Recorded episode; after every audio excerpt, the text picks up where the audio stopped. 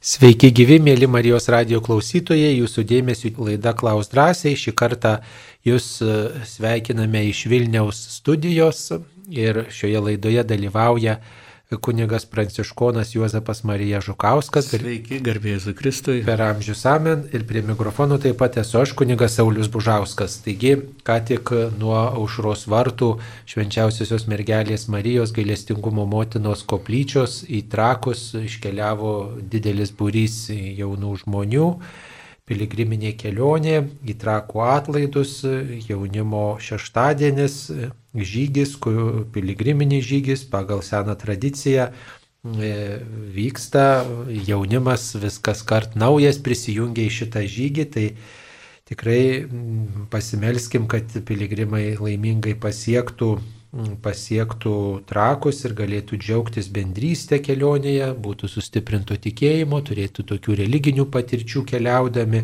Dievo artumą patirtų, galbūt būtų proga atlikti ir išpažinti, nes keliauja ir kunigai, nešasi e, taip pat stulas violetinės, reiškia toks ženklas išorinis, kad galima atlikti išpažinti ir vakare bus šventosios mišios trakų bazilikoje už jaunimą ir už visus tuos žmonės, kurie nori ugdyti savo tikėjimą.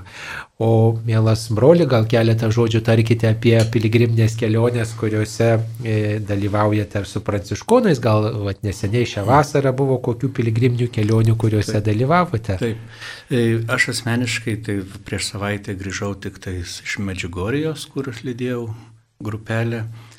Iš Lietuvos tikrai tokia paliečianti piligriminė kelionė į į, į vietą, kur susirenka žmonės iš viso pasaulio ir matyti jų tą tokį gyvą tikėjimą, meilę Marijai, taip pat dalyvavimo mišiuose ir tokiuose gana ilgose adoracijose, kur visą naktį tęsiasi, tikrai įkvėpia ir pakelia dvasę.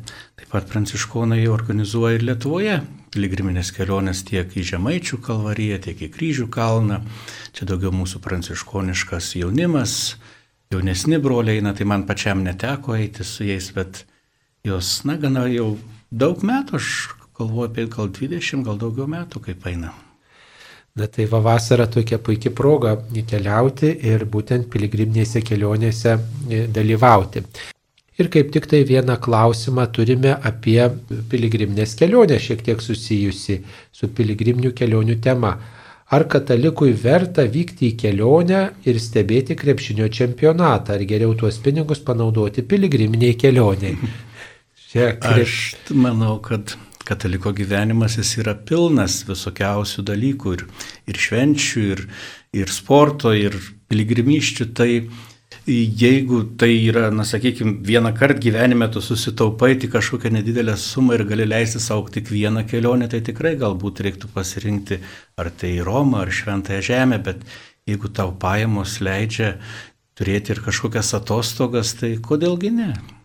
Svarbu gal, kad e, krepšinis netaptų religija. Tas, tas kaip čia dažnai tiesa. sakoma, kad Lietuvoje krepšinis antroji religija. Tai čia truputį gal toks juokas yra, bet kita vertus e, pavojingas juokas. Taip, taip. Kai, kai reiškia toks va sportas, praeinantis dalykas, kad ir geras, įdomus dalykas, azartiškas dalykas, bet jeigu e, kėsinas į Dievo vietą, tada jau yra pavojus. Šiaip sportuoti džiugu ir, ir net ir popiežiai daugybę kartų yra pasisakę apie sportą ir, ir pritarę sportui ir, ir kad tai yra bendrystės laikas ir tikrai tam tikras būdas panaudoti ir fizinę jėgą, energiją.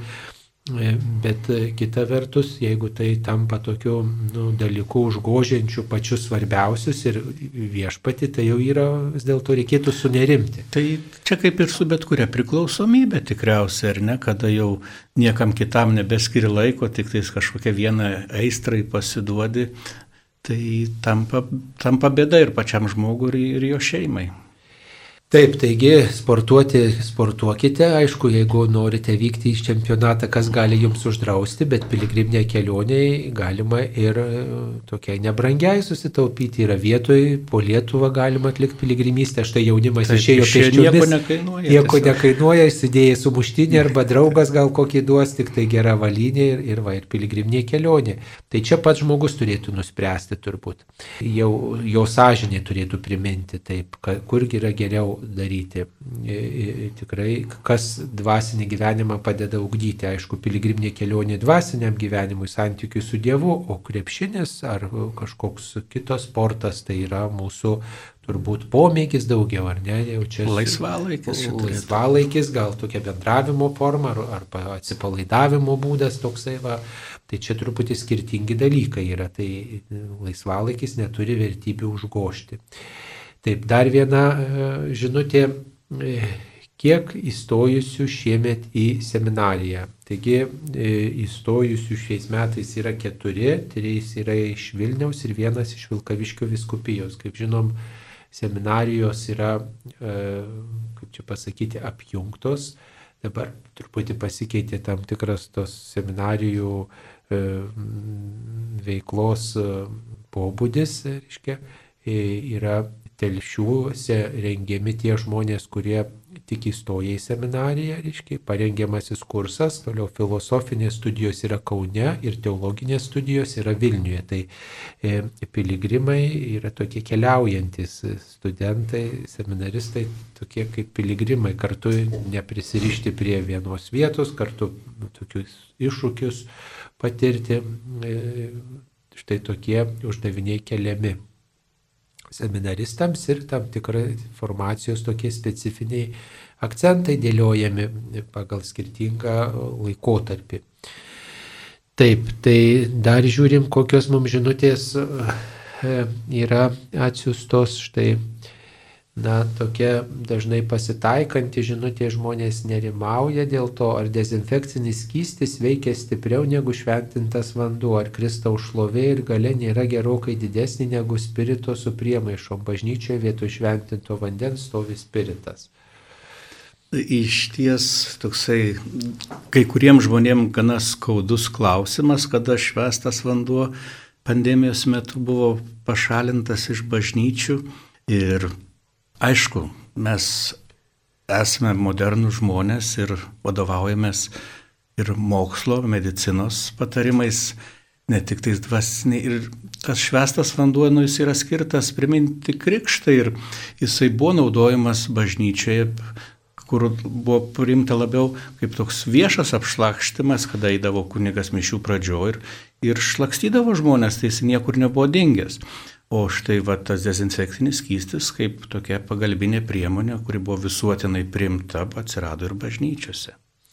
Taip, tai matot, nereikėtų supriešinti turbūt šitų dalykų, Taip. kad vienas tas dezinfekcinis skystis čia yra tokia hygienos, taip sakant, tikslais sveikatos sumetimais naudojamas, ne, kad būtų nepernešamas užkratas, ne, O, o, o šventintas vanduo, jis turi tą dvasinę galę. Taip? Primena mums krikštą. Primena krikštą ir kartu yra tas, tas dvasinio apsivalymo ir atsinaujinimo taip, ženklas taip. ir kartu tokia pagalba, toks kaip mažasis egzorcizmas.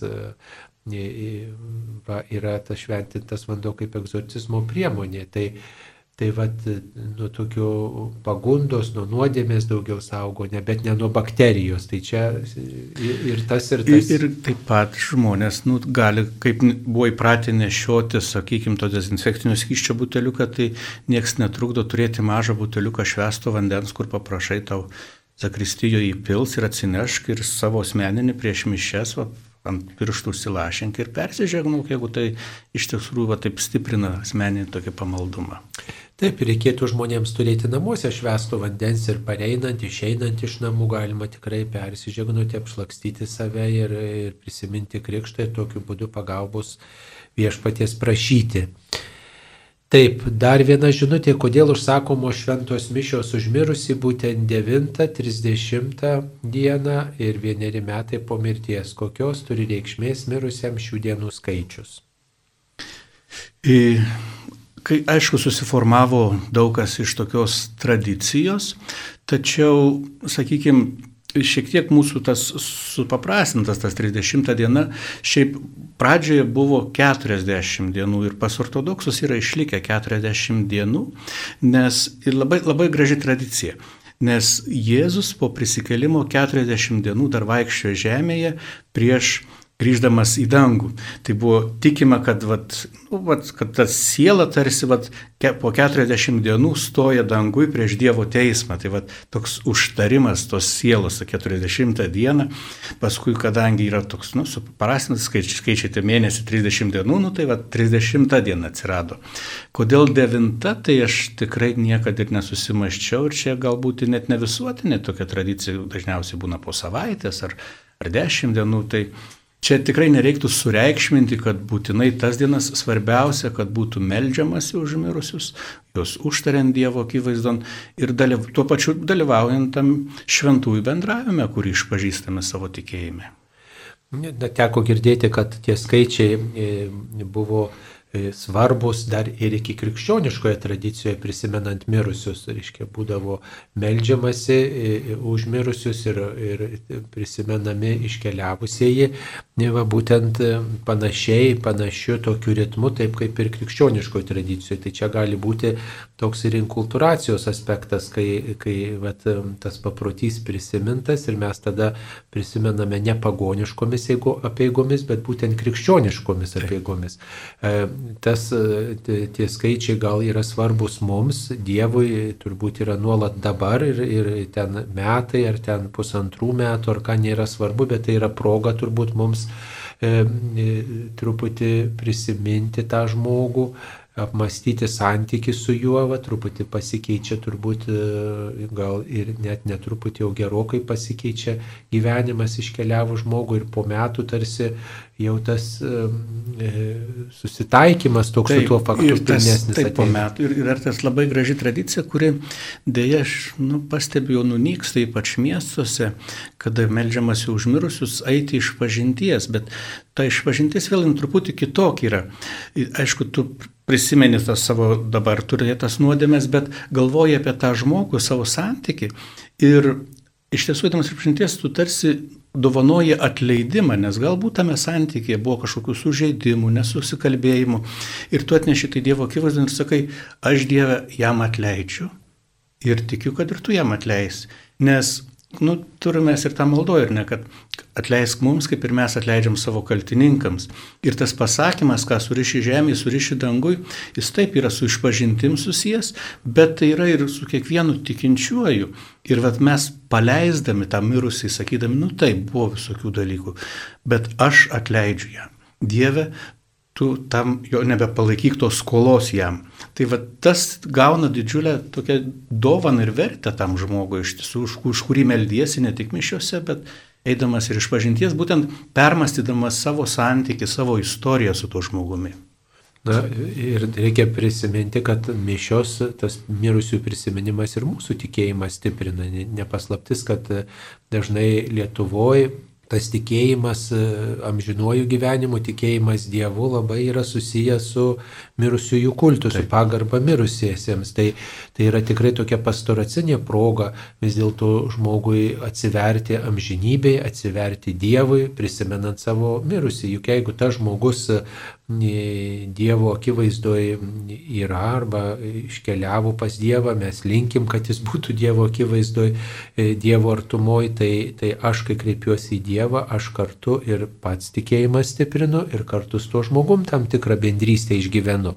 Tai va, o tie skaičiai čia įvairiais būdais, įvairiais tokiais rakursais naudojami, bet, bet ne tai turbūt svarbiausias dalykas, tai tiesiog yra įvairios tradicijos bet svarbiausia, kad žmogus prisimena savo artimuosius, kad jisai ap savo santyki apmastų su Dievu ir, ir stiprina tikėjimą. Tai krašte susikloščius tokia tradicija, perimam reikėtų turbūt e, tokiam e, išsamesnio tokio tyrimo, reiškia, dėl tų reiškia, konkrečių datų, bet, bet ne tai turbūt svarbiausia šiuo atveju. Svarbiausia, kad žmogus meldžiasi ir ypatingai prisimena savo mirusius artimuosius vėlinių metu ir kartu su visa bažnyčia, kuri tuo metu meldžiasi už visus įvairių laikų mirusius, įvairių luomų, įvairių tarnyščių žmonės. Taip, dar viena žinutė. Ar galima priimti šventąją komuniją toje pačioje bažnyčioje du kartus skirtingų mišių laiku? Šiaip yra susiklostęs toksai bažnyčiai tradicija, kad geriausia būtų, kad vieną kartą dienoje primtume komuniją. tačiau yra leidžiama, leidžiama, kad jeigu pat yra tam tikros priežastys, kažkokios progos, ar, tai taip, bet jeigu taip taptų tokiu, vat, kad ten 3, 4, 5 kartus, tai mes galbūt ir prarasim tą šventumo pojūtį. Tai čia ne dėl to, kad uždrausti yra nuspręsta, bet kad išlaikytume tą pagarbą ir, ir tuo labiau prisimintami, kad, nu, jau kaip priemi komuniją, tai čia nėra tik tos akimirkos momentas, tai yra vat, visos dienos šventė ir susitikimas. Ir tu paskui, kad ir dalyvauji kažkokią progą dar kartą mišiuose, nu, tu jau, jau esi susitikęs viešpati šiandieną, nu, bet yra leidžiama kelis kartus priimti. Na, e, turbūt tokia tradicija yra e, tam tikromis šventėmis. Vat, pavyzdžiui, yra visų šventųjų diena, e, lapkričio pirmoji. Tai dieną melžiamės dalyvaudami šventose mišiuose ir pagerbėme visus šventuosius, prisimename, o vakare, pavyzdžiui, yra tradicija jau melstis užmirusius. Taip. Tai tada, kaip sakoma, žmogus turi kitą intenciją, jisai melžiasi E, ryte dieną vat, pagerbė visus šventuosius, gal kažkokių prašymų turi, meldžiasi už savo artimuosius, už savo šeimą, o vakarė jau tą, tą šventą komuniją ir visas maldas skiria už mirusius. Vat, tai yra taip, tokia taip, taip, skirtingas toksai, e, skirting, skirtingos tos svarstymas, toks skirtingas taip, mąstymas. Tai ir tuo pačiu tai atsiminkim, kad komunija yra tas žodis ne tik bendrystė su Dievu, bet ir su tais dalyvaujančiais. Tai vat, kartais būna, tu tiesiog vat, dalyvauji mišiuose vat, ir tu esi su ta bažnytinė bendruomenė ir, pavyzdžiui, būna po to vestuvių mišios. Tai tu išgyveni bendrystę ir su tais jaunaisiais. Tai čia tas, tas yra platus toks komunijos suvokimas.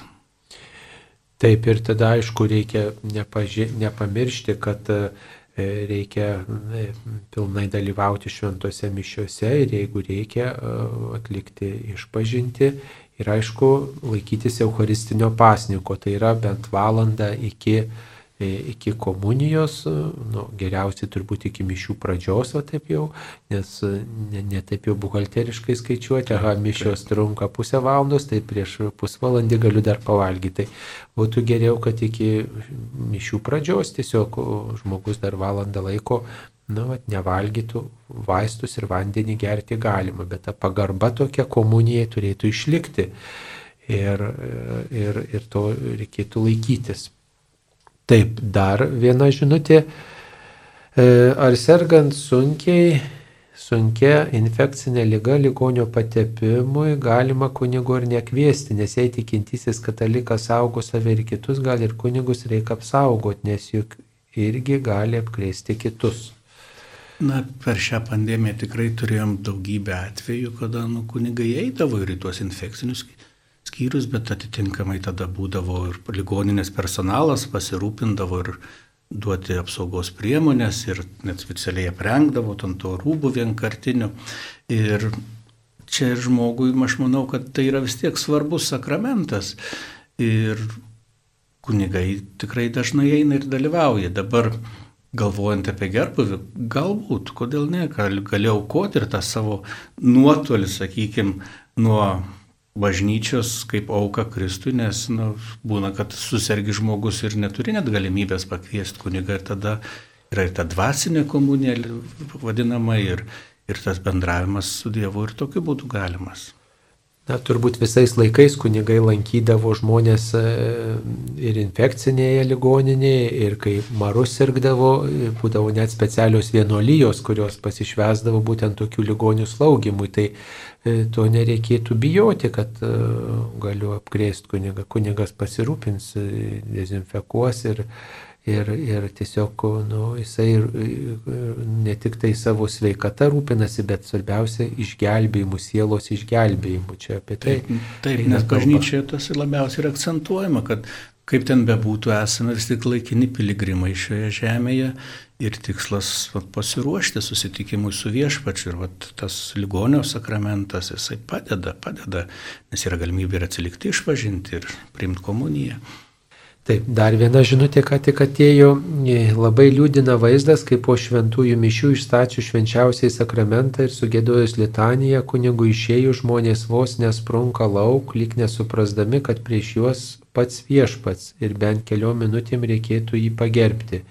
Lieka tik keletas žmonių ilgesniam laikui. Gal toks elgesys yra iš nežinojimo, galbūt situaciją pagerintų kunigo komentaras, kas yra adoracija ir švenčiausiasis sakramentas. Koks būtų jūsų komentaras? Na, iš, iš tiesų, bet kokios adoracijos nu, neturėtų būti daromos spontaniškai, jos turėtų būti ir bendruomenė pasiruošus, ir nusiteikus, ir bendruomenės sprendimas. Aišku, kai kur yra tiesiog tradicija, vat, kad sekmadienį išstatyti po sumos švenčiausią sakramentą. Ir aš manau, kad yra tikrai ne kartą ir pamokslauti, ir kalbėti apie tą naudą, bet kartai žmonės tikrai turi tų visokių reikalų Kitas momentas, tu esi jau priemęs viešpatį, jisai su tavimi yra ir nereiktų čia labai smerkti tų, kurie išeina kažkur galbūt atlikti kitų tarnyščių. Bet žinoma, žinoma, kad įstačius švenčiausiai, na, bent penkias minutės, dešimt minučių, manau, galėtų kiekvienas skirti, tai ir niekas čia nesugriūtų. Nu, gal žinot, nelabai mes žinom, ką reikia veikti, kai yra tylo, švenčiausias sakramentas, daugelis žmonių su šitu klausimu turbūt susiduria, jie nuobodžiauja, mintis kažkokios eina, ar čia ką sakyti, tyl, ne visiems ta tyla tokia jinai aiški ir suprantama. Kitas dalykas turbūt, kad e, truputį stingam tikėjimo vis dėlto tikim, bet, bet nu, nepilnai, kad čia yra viešpats ir tos tokios meilės Dievui stokojam, gal už tai greitai išbėgam ir, ir nu, vat, nėra tos, to turim, tokio troškimo pabūti. Turim atsiminti, kad iš adoracijos atsirado tais laikais, kada na, iš ties komuniją žmogus primdavo galbūt kartą tik metuose, nes buvo tokia va tradicija, kad na, komuniją priema tik kunigai, žmonėm net nedalindavo. Ir žmonėms būdavo tas ilgesys, tai tik apie Velykas laiką primdavo, nes ten būdavo, na, gana tokios griežtos ir tvarkos, tenais ir tos išpažintis ilgos, ir pasnikai ten ir visą kitą.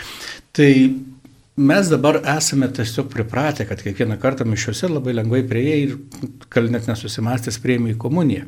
Buvo laikai, kada į tai žiūrėjo labai va taip griežtai, ypatingai ir Ir jau kunigas asmeniškai jų net žinodavo, va tas eis komunijos, tas, nes va, turėjo čia dabar išpažinti, atliko atgailą, dar kažką. Ir tada visi kiti va, galėdavo tik tai stebėti, išstatydavo tą švenčiausią ir va, dalyvaudavo tokių akių būdų, sakykime, to dvasininkų. Tai va, tada tas pamaldumas buvo išaugęs, dabar, kada mes turim galimybę tiesiog va, priimti, tai galbūt tas nebėra taip va, priimtina, nežinau.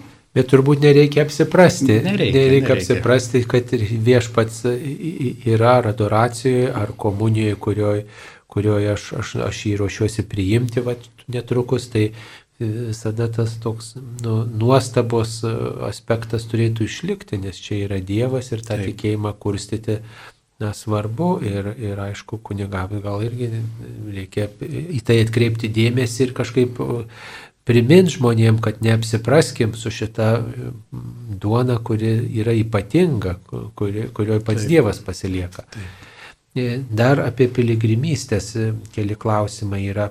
Ar bus Šiaulių viskupijos piligriminiai žygis iš kryžių kalno? Tai turbūt jau jis buvo, reikia. Jisai buvo, buvo prieš kryžių kalno atlaidus jisai buvo, reiškia, ėjo jaunimas iš e, Šiaulių į kryžių kalną. O dabar e, kartu vyskupas Bartulis iš, iš Šiaulių krašte, tai nuo, nuo Tytuvėnų į Šiluvą. Berots e, de, de, dieną organizuoja tą žygį. Tai jei, jei norit nuo Šiaulių krašto keliauti, tai piligriminiam žygį, tai tikrai galite dar pasidomėti. Ir taip pat e, dar ir kitų žygių gali būti. Reikia. Būna, kad organizuoja tiesiog parapijos grupelės ar šiaip žmonės. Ir patys, jeigu turite tokį troškimą, kodėlgi negalite su draugų burelį susiburti, sudalyvauti mišiuose, pažiūrėjau, Šiaulių katedroje ir labai gražiai nueiti į kryžių kalną, pasimelsti tenais. Taip, privačiai. Dar vienas klausimas, kaip ruoštis piligriminiai kelioniai, kokius dvasinius žingsnius, pavyzdžiui, intenciją reiktų žengti ir kaip tai padaryti. Na, iš tiesų čia galbūt labai skirtingų būtų mokymų, kaip tą daryti, bet yra keletas dalykų, tai aišku visada išpažintis yra labai svarbus momentas, kad mes išeitume tą kelionę. Intencijos jos gali būti įvairios, gali būti padėkos, gali būti prašymo, maldavimo, bet svarbiausias momentas čia yra pati kelionė, kad tu išgyventum tą žygį kaip kelionę į susitikimą su Dievu. Ir, ir tai netgi gali būti tavo toks pat kaip pasiruošimas ir viso gyvenimo išpažinčiai, nes ta kelionė ir tas tavo visą gyvenimą tarsi atspindi ir tu gali eidamas apmastyti vaikystę, savo jaunystę, paauglystę, ten dar kažkokius svarbius momentus gyvenime, nes tam nuskiri laiko susitikimų su Dievu. Tai, ne, tai tuo ir skiriasi ta piligrimystė nuo šiaip turistinės kelionės, kur tu eini tik grožiesi vaizdais, susitikimais. Ir taip, piligriminiai kelioniai Dievas siunčia įvairių žmonių, per kuriuos mums daug dalykų ir pasako, ir tokie susitikimai dvasiniai vyksta. Tai intencija turėtų būti būt atviram Dievo vedimui, būti atviram prieš save ir, ir aišku, tas pasiruošimas, galbūt vat, mišios, išpažintis. Na ir pasirūpinti, vat, ar sugebėsi nueiti. Tai čia ir geri batai, ir, ir kuprinė, ir, ir aišku, kiekviena vieta reikalauja skirtingo pasiruošimo. Taigi tas atvirumas, kad Dievas visokiais būdais gali kreiptis ir tas toks nustebimas ar džiaugsmas, vat, išsiruošiau ir nuo pat namų jau tiesiog stebiu ir, ir, ir tokiu einu ne tai, kad susirūpinęs ar, ar kažkoks e, pasidavęs e, savo reikalų apmąstymui, bet vat, nu, einu vat, susitikti viešpatį. Nežinau, kaip jis man prabels, ar jisai kelioniai, ar jisai per žmogų, ar per maldą, ar, ar gale kelionės, kai ten bus kažkokia užbaiga, užbaigos malda patirsiu viešpaties kažkokį palytėjimą. Gal nepatirsiu, bet vis tiek kažkokiu kitų būdų, nu, po kelionės, vat, apmastydama, suprasiu, kad nu, buvo kokiu tai dvasiniu vaisiu. Ir tas dar kitas momentas, galima treniruotis kiekvieną sekmadienį kada iš namų išeini dalyvauti šventasias mišes, primti taip kaip piligrimystė į susitikimą su Dievu. Tai visas tas kelias ir iki bažnyčios, ir žmonės, kurie susitiks iš šventorių, ir tas dalyvaus mišiose, gali būti vat, momentai, kur prabils tau Dievas. Aišku, intencija, e, kaip jaunimas, pavyzdžiui, išeina e, į žygį, esu nekartą matęs, kad užrašo ant, ant kažkokio popierėlio, ant e, pėdos iškirptos ar rankos ar dar kažkur ir tada tą intenciją nešioja su savim arba neša į tą piligrimystės tikslą, į tą galutinį tašką vat, ir apmąsto tą dalyką arba e, eidamas meldžiasi už tai, kad tas dalykas būtų e, išsipildytų ir kad tikrai Dievas galėtų padėti žmogui vienose ar kitose reikaluose. Tai, tai suformuoti tą intenciją, ko jūs prašote ir, ir šita jūsų kelionė ir bus E, na, to prašymo toks pastiprinimas. Aš ne taip, tik tai žodžiais taip, taip. paprašau sveikatos, noriu pasveikti arba noriu, kad mano artimieji pasveiktų, bet jau aš ir vat, paskiriu šitą kelionę. Viešpatė, aš skiriu šitą kelionę prašydama sveikatos savo arba savo artimiesiems. Ir tegul tai būna tikrai kaip mano malda, prašau sveikatos, išgydymo, jei tokia tavo valia. Ir va keliauju kelionę, melžiuosi įvairias maldas, atlieku išpažinti, priimu komuniją gėdu, tyliu, klausau ir, ir va tai yra mano malda, nueinu į galutinį tašką kažkokį ir sakau viešpatė, va šitą kelionę kaip maldą skiriu e, prašydamas sveikatos tam ar tam savo ar kitam. Ir ypatingai vat, su jaunimu irgi, kaip ką paminėjote, tai taip pat yra susiję ir su gyvenimo kelio paieška, su pašaukimo paieška, ypatingai vat, jaunas žmogus nu, jis turi apsispręsti tiek ir dėl savo mokslų, dėl profesijos, dėl galia šeimos ar kunigystės ar vienuolystės, gali kilti vairiausių klausimų ir va, ta piligriminė kelionė ir tam gali skirti, kad viešpatė va, dar ilgas gyvenimo kelias galbūt manęs laukia, noriu, kad tas kelias būtų kažkaip su, su tavim susijęs ir va toj piligriminiai kelioniai padėk man suprasti, kur, kur tu link kvieti mane, kur aš turiu eiti. Taip, dabar dar viena žinutė.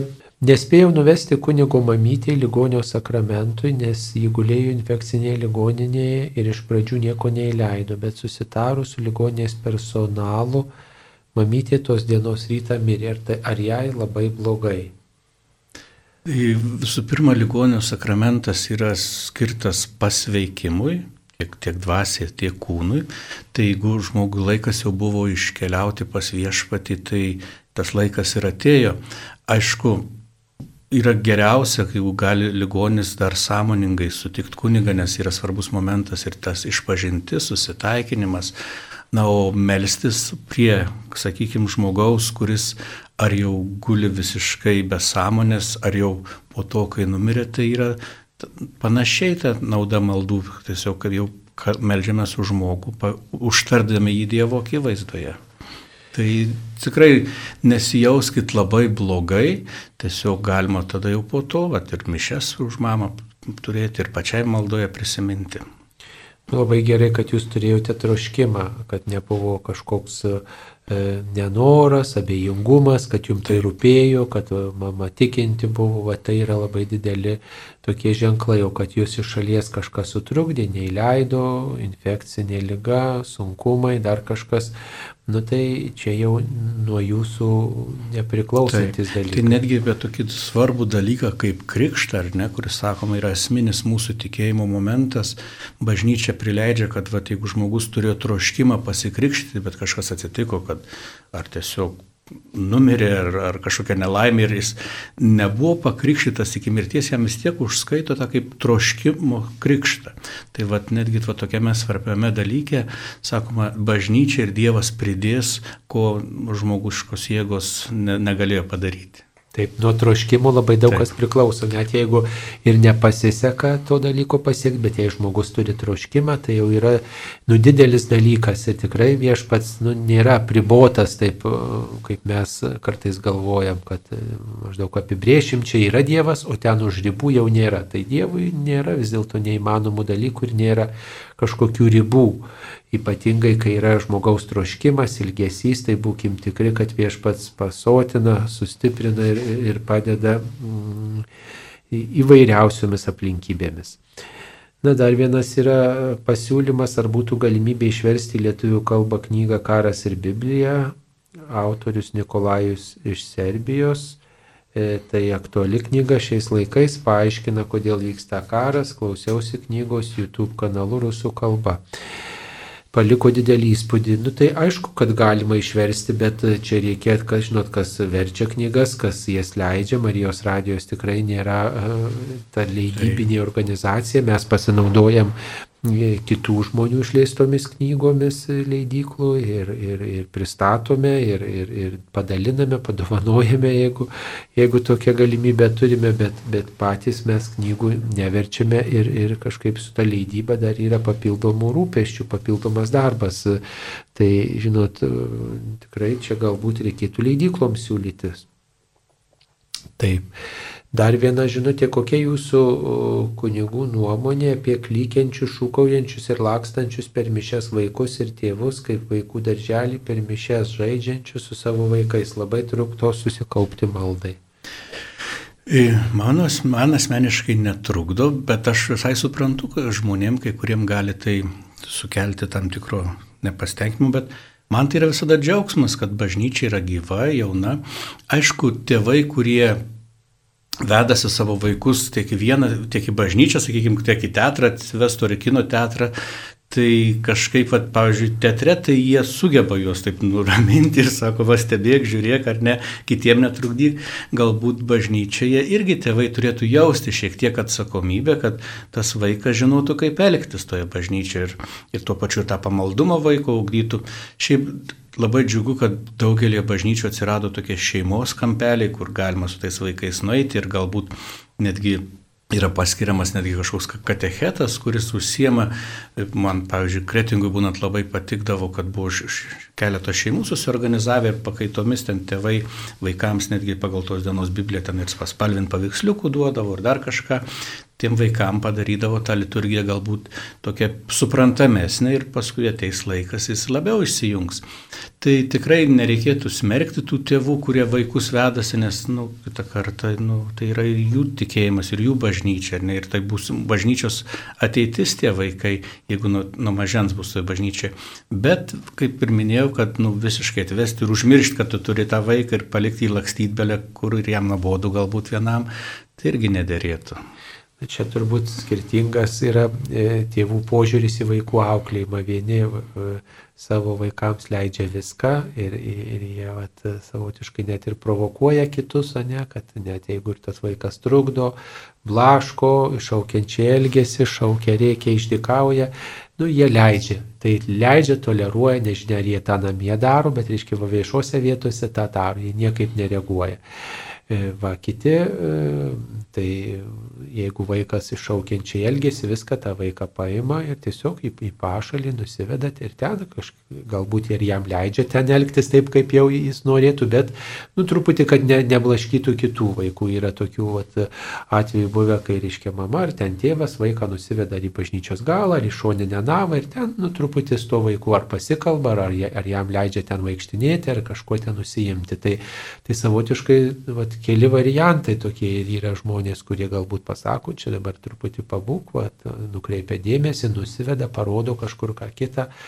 Tai čia priklauso nuo tėvų, aišku, ir, ir tikrai tėvai turėtų pagalvoti ne tik apie tą savo vaiką, kuris dažnai jiems atrodo Dievas yra čia, at, po Dievo tai tas vaikas, ne, ir, ir, mhm.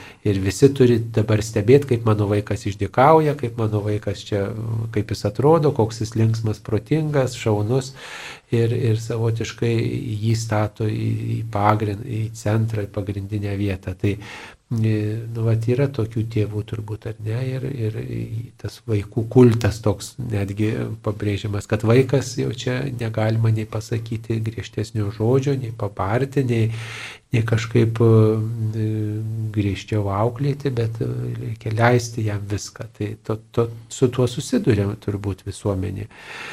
E, tai e, tikrai turbūt dėrėtų vis dėlto pagalvoti ne tik apie vaiką, e, kurį tėvai lydė, kartu su savim pasiima į bažnyčią, bet ir apie tuos žmonės, kurie yra šalia, kuriems, kurie neturi vaikų, kurie galbūt, kurių vaikai jau užaugę yra, arba kurie susirenka, reiškia, ne tik tai vaikus pažiūrėti, bet melstis ir jie gal yra jų liūdna kokia proga, gal kažkas legia, ar, ar, ar jie nori pabūti vat, maldoj ir, ir ar paklausyti, dalyvauti, įsijungti ir tas vat, vaiko elgesys gali truputį tokiam žmogui trukdyti. Tai, tai tiesiog reikia gerbti ir tą žmogų ir, ir kažkaip pasirinkti būdą, kaip e, neatkreipti, kad, kad nebūtų atkreiptas dėmesys į tai vieni tą vaiką per pamaldas. Jeigu ten vieną kartą tas vaikas kažkai, kažką veikia, bet būna, kad per visas pamaldas, per visas pamaldas ištisai išdikauja ir ten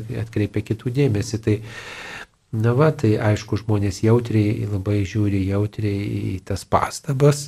Ir, žinau, vienoje bažnyčioje buvo toksai skelbimas, e, sako, tėveliai, gal galit, gal galit, reiškia, pritildyti savo vaikučius arba su jais kažkaip kitaip elgtis, nes, nes per jų entuzijazmą nesigirdi, ką kunigas sako. Reiškia, kai tų vaikų daug labai, tai tada reikia jau kažkaip kitaip tas pamaldas turbūt. Ir iš ties čia vėlgi bendruomenės momentas yra, kad būtų galima organizuoti kaip daug kur daro, vat, jaunų šeimų mišes. Vat. Ir tada susirenka visos jaunos šeimos su vaikais ir jau nusiteikia, kad taip ir bus jau, kad čia. Ir paskui yra kitos mišios, kurios, nu, vat, reikėtų jau galbūt pagarbiai elgtis. Taip.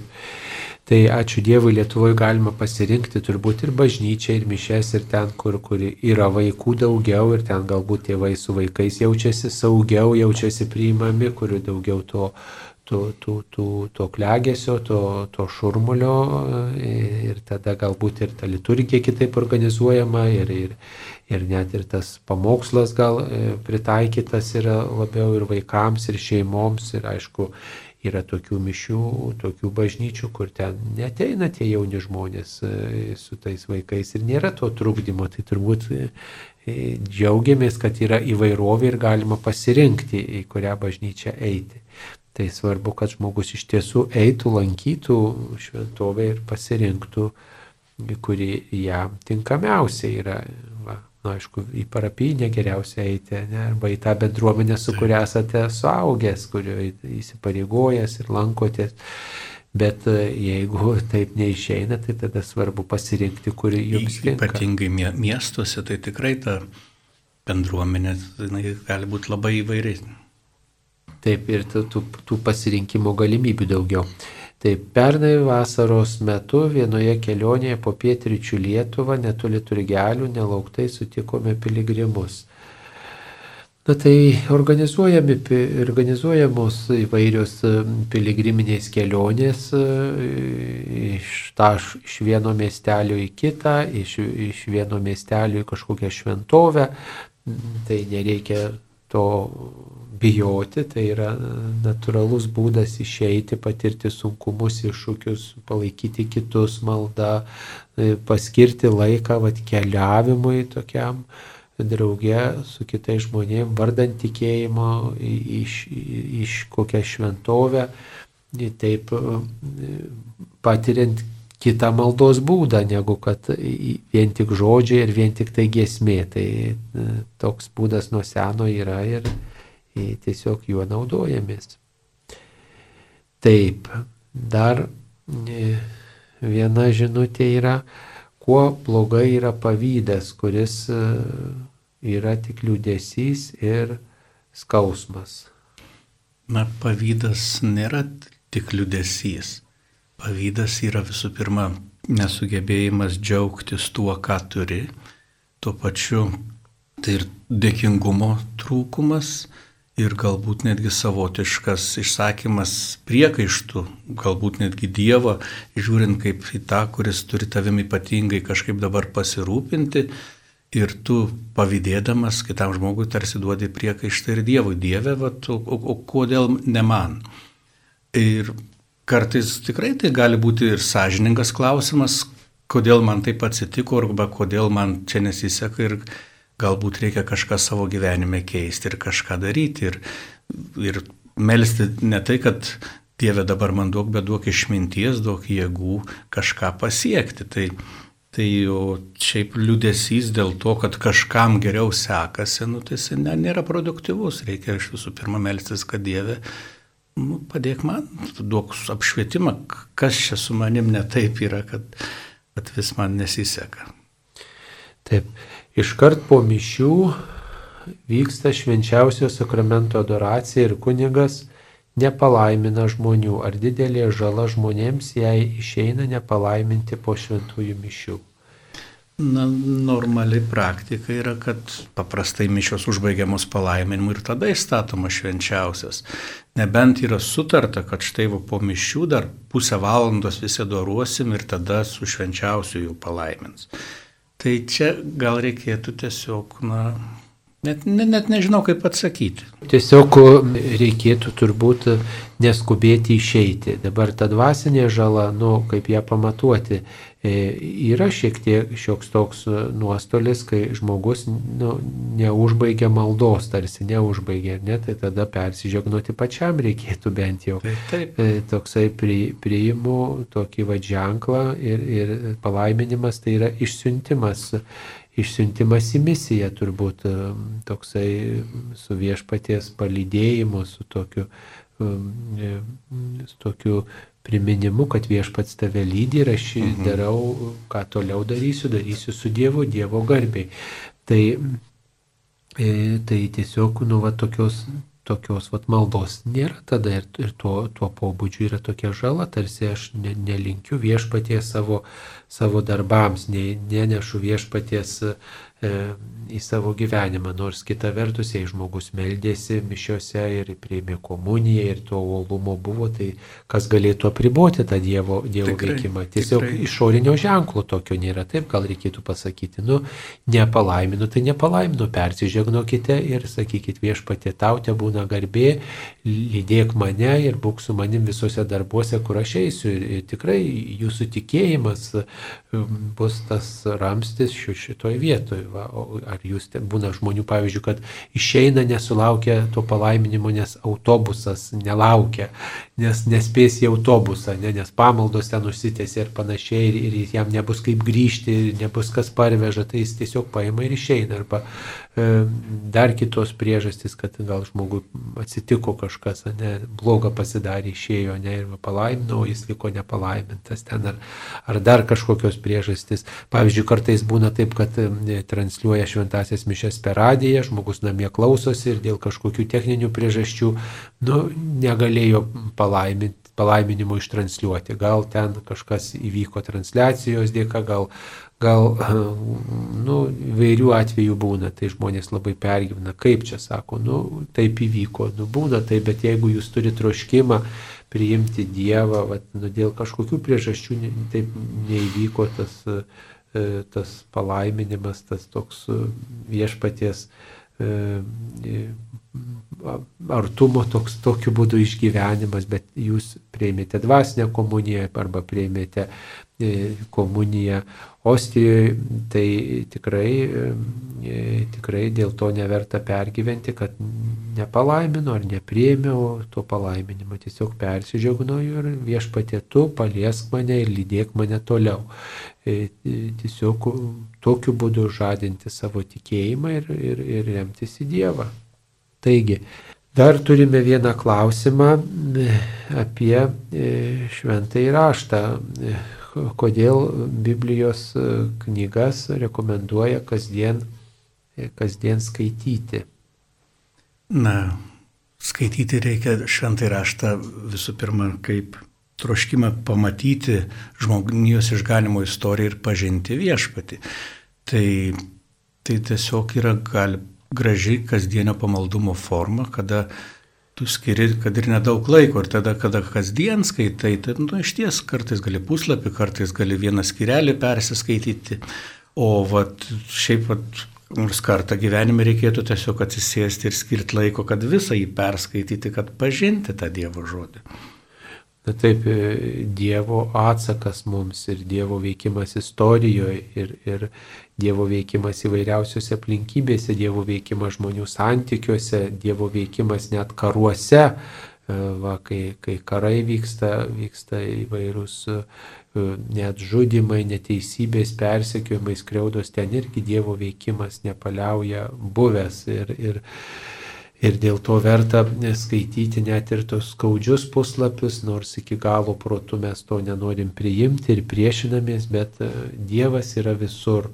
Ir šventasis raštas kalba apie tai, tai yra būdas išgyventi Dievo artumą, dėl to Bibliją reikia skaityti po truputį ir ne tik protu, bet ir savo tikėjimu, savo širdim, savo atmintim. Ir e, taip pat krikščionis skaito Bibliją prisimindamas, kad visi švento rašto tekstai kreipia į Kristų.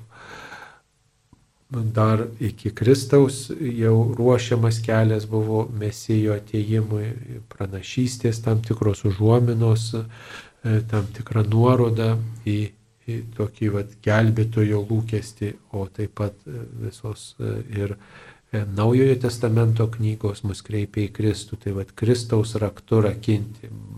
Kur čia užuomina į Kristų, kai skaitau švento rašto eilutes, kur čia užuomina apie Dievą, kuris rūpinasi žmogumi.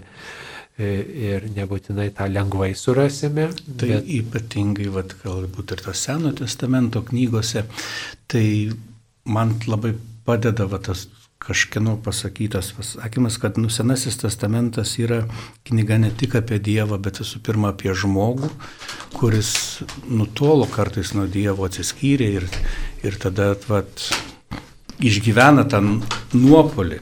Tai yra, galima sakyti, ir mūsų nuopolio istorija, kaip žmogus be Dievo elgėsi ir va tėva baisumą ir kalba apie tai, kad kas atsitinka ir kaip vis tik netgi va tose baisiose situacijose Dievas paskui randa būdo prakalbinti ir pakreipti žmogų atgal link viešpaties.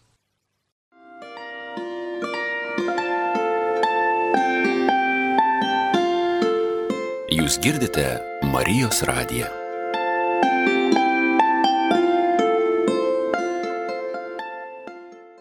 Mėly Marijos radio klausytojai, tęsėme laidą Klaus drąsiai. Šioje laidoje dalyvauja brolis pranciškonas Juozapas Marija Žukauskas ir aš kuningas Saulis Bužauskas. E, beje, e, turbūt dažnai jūsų klausia, kodėl prie jūsų vardo dar ir Marijos e, vardas, turbūt Lietuvoje gana retas dalykas, kad prie... Gana retas, iš tiesų daugiau vienolyjose paplitęs, o kitur pasaulyje tai yra iš tiesų tokia įprastinė praktika šalia pagrindinio vardo pridėti dar kažkokį šventąjį globėją ar kažkokią intenciją, ar ne. Ir Ir mano, kadangi formacija vyko Italijoje pranciškoniška, ir ten buvo ir mano įvilktuvės, ir noviciatas, ir kaip tik pat yra tas metas, kada renkiesi vienuolinį vardą, nes yra galimybė pakeisti vardą į kažkokį kitą vienuolinį, nors seniau būdavo privaloma, dabar jau nebeprivaloma. Tai vad to itališkai tradicijai turėti šventąjį globėją prie vien vardo labai tinka ir ten Marija yra toks įprastas momentas ir vad, kada aš pasirinkau Juozapo vardą, galvoju, koks čia galėtų būti šventasis globėjas, nusakau, šalia Juozapo tik Marija tinka. Nu, va, tai labai gražu, tik, o ypatingai kažkaip Marijos globą jaučiate, va, pasirinkęs tokį kažkokį. Į, iš tiesų, tai mano daugiau va, po pamaldumą susijęs su šventuoju Juozapu, Marijos tuo metu taip žinojau, kad tokia yra, bet nu, neturėjau iš tikrųjų tos didelio pamaldumo, tai jis, jis tikrai su kiekvienais metais vis auga. Nu, nes aš įsivaizduoju, jeigu tai pasirenki globėją e, vieną ar kitą, tai ir santykis su tuo taip, globėju yra, yra toks ypatingas. Tai turėtų taip, jums būti brangios ir Marijos šventovės ir taip, šventės. Taigi, žiūrim, kokios žinutės mums atsiuntėte. Mėly klausytojai, kai kurios žinutės tokios, kaip čia švelniau pasakius, tokios padrikos atskiri žodžiai, tik tai neįmanoma sudėti sklandaus sakinio. Pavyzdžiui, įdėtas vienas žodis sekmadienio, kažkoks atėjų žinutė, paskui kitas nori patikslinti atsakymą apie piligriminės keliones bet e, neparašyta, kaip, kas dar neaišku ir kaip reikėtų patikslinti. Tai e, laukiame tiksliai suformuoluoto sakinio, kad galėtume atsakyti, nes žinot, reikia galvoti, ką atsakyti ir dar, kai tu ne, negali perskaityti, reikia šifruoti, e, kas yra užšifruota tame, e, toje, tame, klausime. tame klausime, tame sakinyje, toje žinutėje, tai truputį ta tokia nėra dėkinga padėtis. Taigi, žiūrim, ką dar atsiuntėte. Kodėl reikia nešioti tamsius drabužius gedulo metu, ar tai palengvina mirusiajam, ar tik yra išorinis ženklas ir kiek trunka gedulas mirus tėveliui. Na, tikrai nėra prievolės, yra tokia daugiau galbūt graži tradicija nešioti kažkokį gedulo ženklą, Tai kartais būdavo tiesiog juostelė galbūt tamsi prie kostiumo prisiūta ar dar kažkas. Tamsus rūbai, ta, tamsu, gali būti. Taip, tai, nu, aišku, kai dalyvauji laidotuvėse, tai natūralu, kad tai yra. Bet vėliau tai galbūt yra toks ir ženklas, kodėl va, tu esi toks gal ir liūdnas ar susimastęs kurį laiką, kad nereiktų čia kiekvienam aiškintis, kodėl tu čia dabar nesikvatoji ir nešoki, ar ne. Tai va toks tokio, palikit mane ramybė, dabar man toks sunkus laikas, bet vėlgi yra skatinama, kad tas gedulas jau daugiau kaip metai laiko nesitęstų. Vat galbūt vat, tas ir tos metinių mišios, o kai mes pradžioje kalbėjome, atsirado, kad vat, su užbaigi tarsi ir gedulų laikotarpį po metų laiko. Vat, ir, apsisuka įvairūs Taip. E, e, minėjimai, įvairios Taip. šventės, įvairios progos per metus, vėl pasikartoja daugelis dalykų, tada žmogus atverčia kitą puslapį savo gyvenimo istorijoje. O šiaip tai turbūt tas rūbas daugeliu žmonių išreiškia ir jo vidinę tokią laikyseną. Pavyzdžiui, žmogus, kuris nusiteikęs E, taip e, linksmai, tai jis apsirengė šviesiais rūbais, jeigu taip. jis taip susimastęs, nori tokio susikaupimo, tai, tai apsirengė tamsesniais rūbais. Nu, vat, arba liūdnas, tai, tai tas e, tamsus rūbas tokia va, jo vidinė būsena išreiškia. Tai dar ir tas aspektas yra, kad aš taip jaučiuosi, kad man, man liūdna, man truputį niūru, tamsu, vat, Ir, ir, ir, ir tokia yra liaudės tradicija. Bet dabar pamažu jie ir išdyla. Žodžiu, svarbu prie to labai neprisirišti, bet turbūt daugiau prisiminti tą žmogų ir, ir tiesti tiltus, dvasinius tiltus na, per tikėjimą į Dievą va, ir tokiu būdu na, gal pagilinti netgi, sakyčiau, tą tradiciją, ne, nes malda ir jums naudinga ir reikalinga ir taip pat pagalba tam, kuris iškeliavo, tai yra ryšys su tuo žmogum ir toks tikėjimo stiprinimas. Į tai gal geriau susikoncentruoti negu tik į tuos rūbus. Taip, dar tokia žinutė turime kodėl sekmadienio šventimas prasideda iš vakaro prasideda iš vakaro šeštadienį. Na, čia yra tradicija atėjusi iš hebrajų kultūros, dar vat ir tos jiem Jėzaus laikų, kad nauja diena prasideda iš tiesų ne su Saulės patekėjimu, bet su Saulės nusileidimu. Tai vat, nu, dienas jie skaičiuodavo pradėjo nuo vakaro. Tai vat, sekmadienis vat, tarsi išlaiko tą tokį atminimą tų laikų, kada diena prasidėdavo vakare ir tęsdavosi iki kito vakaro. Taip, tai jau yra sekmadienio išvakarės. Še, šeštadienio vakare galima dalyvauti šventose mišiuose ir tai yra sekmadienio, sekmadienio mišios. Na dar Antanas klausia, kuri katalikybė dabar yra Lietuvoje kontre, kontreformacinė ar evangelinė? Nu, vat, koks požiūris. Niekada apie tai negalvojau kažkaip, bet, na, iš tiesų tai galbūt reikia žiūrėti apie bendruomenės, o nes Lietuva yra gan didelis kraštas ir mes čia visko turim. Turim ir labai tradicinių katalikiškų bendruomenių, turim ir tokių labai ekumeninių, atvirų, tai tikrai nesimčiau dabar dėti vienos etiketės visai Lietuvai.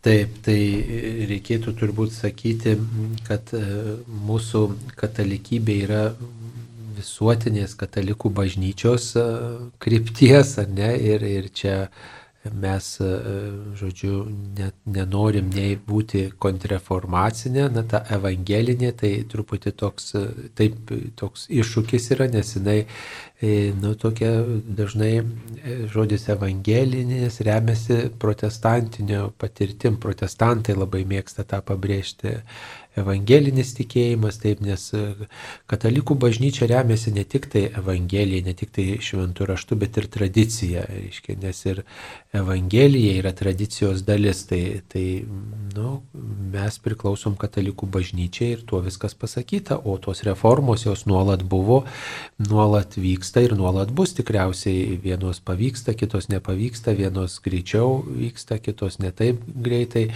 Ir tas dėmesys evangelijai, jis visada mm, nu, reikšmingas ir tikrai bažnyčia skiria net ir atlaidus tiems, kurie skaito šventai raštą, mes pagerbiam e, Evangeliją ypatingai ir tikrai vykdomi tie ir švento rašto vertimai ir, ir komentarai ir, ir taip pat vyksta įvairios švento rašto grupelės ir stengiamasi grįžti prie šaknų ir, ir svarstomas tas Jėzaus žodis, bet Bet, bet ne, tik, ne tik, nes yra ir sakramentai, yra ir, ir taip pat tradicija, kuri, kuri padeda suprasti galų galę tą Evangeliją, nežinę, ne, ką Jėzus ne tik atskelbė, bet ir kaip tai buvo suprantama per įvairius laikus. Tas labai svarbus momentas yra iš tiesų, dėl to to švento rašto studijos yra ne tik, kad tu išmoksti skaityti raides, bet tu mokais ir to laiko kultūros ir, ir ką tuo metu vat, vienas ar kitas posakis galėjo reikšti, kokia mintis buvo, ar ne. Net apaštalų laikai, žiūrėkime, Jėzus pasako kažkokį palyginimą, tai jie netgi klaustų, sako, tai paaiškink mums dabar čia dar papildomai, ką tu čia norėjai pasakyti. Ir dabar tai vat, visą tai suėjo tie paaiškinimai, sakykime, į tradiciją. Ir jeigu dabar žmogus tik atsiverčia šventą raštą ir skaito ir sako, va aš taip supratau ir va taip ir yra, nu, rizikuoja pakliūti klaidą. Taip, dabar dar viena žinutė, kodėl stoja labai mažai kunigų seminarijas. Aišku, visokių čia gali būti paaiškinimų. Aš savo bent jau prieš keletą metų tą taip bandžiau paaiškinti, kad nemažai žmonių, jaunų žmonių ar ne, kurie vat, būt, baigia vidurinės mokyklas ir galvoja, ką čia galėtų daryti gyvenime ir galbūt seminarija, galbūt dar kažkas, bet va, tas nėra drąsos daryti žingsnių ir, ir ką jie daro tada, labai dažnai išvažiuoja darbuotis į užsienį. Labai daug jaunų žmonių išvažiuoja. Ir tenais tas tie darbai įsuka, atsiranda naujas gyvenimas, atsiranda galbūt kažkokios paskolos paimtos už namus, kurias reikia atmokėti ir tasai išvažiavimas trumpam, galbūt pasako, metus pabūsiu, pagalvosiu, susitupėsiu ir tada kažką darysiu, tie vieni metai išauga į 10-15 metų ir galbūt netgi tas pašaukimas, kuris buvo širdyje, kur galvoju, nu, dar neskubėsiu, vat metus pakeliausiu, kažką paveiksiu ir tada apsispręsiu, prarandamas tas pašaukimas ir aš galvoju, vat tas vat, jaunų žmonių toks pabirimas po pasaulį nemažai ir tų pašaukimų išbarstė. Taip, tai vyksta turbūt kova žmogaus širdyje ir nėra ta krikščionybė tokia madinga, populiari, patraukli, nedaug kritikos yra krikščionybė, taip pat daug kritikos bažnyčiai, daug kritikos kunigam, nėra galbūt ir pavyzdžių tokių įkvepiančių daugeliu žmonių, bet nepaisant visko Dievas nenustoja veikęs ir kalbinę žmonės ir, ir, ir kvietęs būti nu, bet kokiam kontekste Evangelijos kelbėjų ir, ir net ir kai atrodo viskas eina kreivai ir, ir trūksta, Taip. vis tiek yra tas troškimas čia, ir kvietimas iš viešpaties. Ir čia tikrai yra gera proga galbūt ir padrasinti tuos jaunuolius, kad, na, tas apsisprendimas pažiūrėti, ar tai yra mano pašaukimas, tikrai tavęs iš karto neįpareigoja visam gyvenimui. Net vat ir kunigų seminarijoje yra tas paruošiamasis kursas propedeutinis, vadinamas, kur vienus metus gyvena telšiuose, bendruomenėje tokia ir tyria tą pašaukimą. Taigi tas stojimas į seminariją tai nesako, kad dabar tu jau viskas jau būsi kunigu, ar ne. Taip pat netgi padrasintume tuos jaunuolius, kurie galbūt turi kažkokią abejonę ar, ar masto apie tai nu, tiesiog save išbandyti ir tiesiog, kad ir metus ar du pabandyti taiti tą kelią ir tada pamatysit, ar tikrai tai yra jūsų ar ne jūsų. E, dar viena žinutė, kas parašė psalmes. Na, toksai psalmių autorių tikrai yra daug, aišku, didysis tituluojamas autorius yra karalius Dovydas, net ir vadinama karaliaus Dovydo gesmių knyga, tačiau psalmės tai yra vis tik religinės giesmės. Ir vat man labai įdomu, kad, pavyzdžiui, pati pirmoji psalmė, kuri vardinama Biblijoje, yra sukurta Mozės sesers Mirijam. Tai jinai, kada perėjo Raudonąją jūrą rašoma, gėdojo giesmę dėkodami Dievui, kad štai viešpats mus stebuklingai išgelbėjo. Ir Biblijos tyrėjai sako, tai yra pirmoji psalmė, kuri užrašyta Biblijoje. Taigi, galima sakyti, yra tų autorių tikrai nemažai, kaip ir visas šventas raštas turėjo daug įkvėptų autorių. Nors atrodo, kad labiausiai tas didysis rinkinys ir labiausiai su, sudėliotas priskiriama vis tik karaliui Dovydui. Na taip, karalius Dovydas gyveno dešimtam amžiui maždaug prieš, prieš Kristų, bet psalmės buvo kuriamos net ir vėlesniais laikais, pavyzdžiui, penktam amžiui prieš Kristų Taip pat buvo psalmės kuriamos ir, ir iš to laiko tarp įtrauktos į psalmyną. Taigi jos sukurtos ne tik tai, kaip sakant, kaip manoma, kad vien tik Dovido, bet ir kitų autorių. Ir aišku, jos buvo kuriamos ne tik tai pagal žydų tradicijas, bet ir apskritai pagal artimųjų rytų, rytų stilių, tą maldos tokį stilių kai yra ir skundas, ir prašymas, ir maldavimas, ir padeda na, suprasti, kad viešpats veikia net ir tokiom aplinkybėm, kai susidurėma su priešais, kai patiriamas nuostolis, žala, tada na, yra išgyvenamas irgi Dievo artumas. Ir tai, kas kažkada senai vyko, nėra tik tai istorija, bet tai irgi priminimas, kad e, štai kaip jeigu tada Dievas veikia išvedė, tai vadinasi ir dabar šitoje situacijoje gali, e, gali viešpats veikti. Tai tikrai neveltui psalmės e, skaito bažnyčia kiekvieną dieną savo maldose, kaip, kaip reiškia, kelis kartus per dieną viešpats yra šlovinamas psalmėmis, nes tie seniai buvę įvykiai, jie išreiškia e, ir dabartinius įvykius ir kartu primena, na, kad viešpats yra laikų e, viešpats laikų šeimininkas ir jis išveda iš visokiausių aplinkybių. Aišku, psalmės sukurtos tam, kad būtų atliekamos e, kaip muzikiniai kūriniai, gal dėl to ir su Dovydu siejama, nes Dovydas davė pradžią giesmiai ir muzikai pamaldose. Va, nes ir dabar bažnyčiose daug kur matom, kad Davidas vaizduojamas su, su muzikos instrumentais, tai jis dainius buvo ir, ir, ir mėgo gėdoti. Tai kartu ir mums tai duoda tokią kryptį, ne, ir krikščionėms, kad viešpats gali būti šlovinamas giesme, ypatingai kai Dovydas yra e, siejamas taip pat su tuo nu, elitiniu karaliumi. Ir taip pat su, su nu, Kristaus tokiu vat protėviu, ar ne? Tai vat irgi ta, ta gesmė tarsi iš praeities atskamba kaip pažadas, kad viešpats atsiūs išgelbėtoje ir atsilieps jūsų maldas.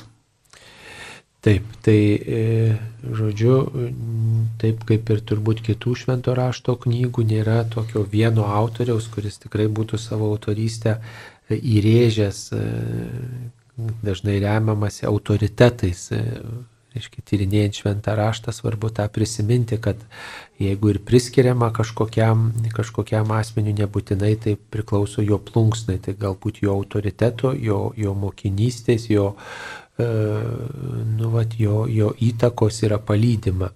E, nes buvo svarbu net ne kas parašė, bet, bet kas parašyta, ne, koks tekstas, kokia žinia yra nešama ir, vat, ir tai buvo vertinama, o, o ne tai, kas yra to teksto autorius. Primama, kad nors ir žmogaus parašyta, bet tai yra Dievo įkvėpti tekstai.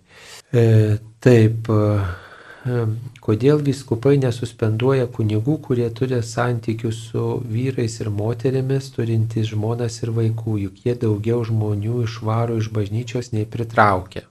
Tai iš ties labai toks skaudus momentas bažnyčiai ir, ir po truputį situacija keičiasi, tačiau vat, na, čia ateina daugiau iš tokios tradicijos, kad na, kunigystės sakramentas jis yra neišdildomas ir visam gyvenimui spaudžiamas, tai tas suspendavimas, net ir tas žodis, va, reiškia, kad nu, tu, tu esi kunigas, bet tau yra draudžiama eiti viešas pareigas. Aišku, bažnyčia ilgą laiką na, tiesiog save pristatė irgi tokia kaip šventa visai nesenai dabar jau tas atėjo, kad šventa ir nuodėminga ta bažnyčia pripažinimas ir daug atsiprašymų ir iš popiežiaus, ir iš viskupų pusės buvo už tuos papiktinimus.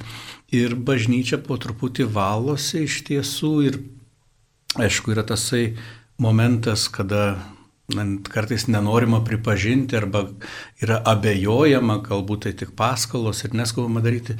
Tačiau situacija iš tikrųjų keičiasi ir netgi vat, yra nemažai ir tokių paraginimų ir iš popiežių pusės, jeigu kyla kažkokių įtarimų dėl papiktinimų, dėl netinkamo elgesio, kad tas kunigas būtų suspenduojamas, reiškia ne tai, kad išmetamas iš kunigų, bet jis sustabdomas jo viešas veikimas, kol vyksta tyrimas ir kol bus išsiaiškinta, ar ar ta situacija tikrai tokia yra. Ir tikrai turime paskutiniu metu labai daug atvejų, kada bažnyčia žengia tą žingsnį ir sako, žinai, brolau, tavo elgesys net netitinka to, ką tu skelbi, kuo tu save pristatai ir, ir bažnyčia dėja turi tau pasakyti, kad eik atgailauk, atsiversk ir prašyk, kad Dievas tau duotų atleidimą. Nu, jeigu žinot kokiu konkrečiu atveju, tai jūs apie tai kalbėkite su viskupais ir jų klauskit, kodėl viskupai nesuspenduoja. Tai reikia turėti labai rimtų įrodymų turbūt ir, ir nu, daugelį tokių dalykų e, apsvarstyti šiais atvejais, o žinot, taip lengvai pasakyti, va turi, tegul atleidžia e, tas toks, tas kitas, e, tas taip elgesi, tai tikrai, na, mes kaltinti galim labai greitai, bet, bet ar tikrai visada pasi, pasitvirtina tie, tie kaltinimai, o apie konkrečius atvejus reikia kalbėti su tai žmonėmis, kurie su tuo susiję yra turbūt ar ne. Ir, ir, Ir aišku, yra tas moralinio autoriteto klausimas ir, ir žinoma, kad apie tai turbūt kažkokiu būdu reikia svarstyti, bet svarstyti labai diskretiškai, nu, kad nepadarytume dar daugiau žalos, nes, žinot, labai tas kaltinimas, niekinimas, teisimas labai pavojingas dalykas. Mes stojame į paties Dievo vietą, o tą daro paprastai tik šitonas. Tai, e,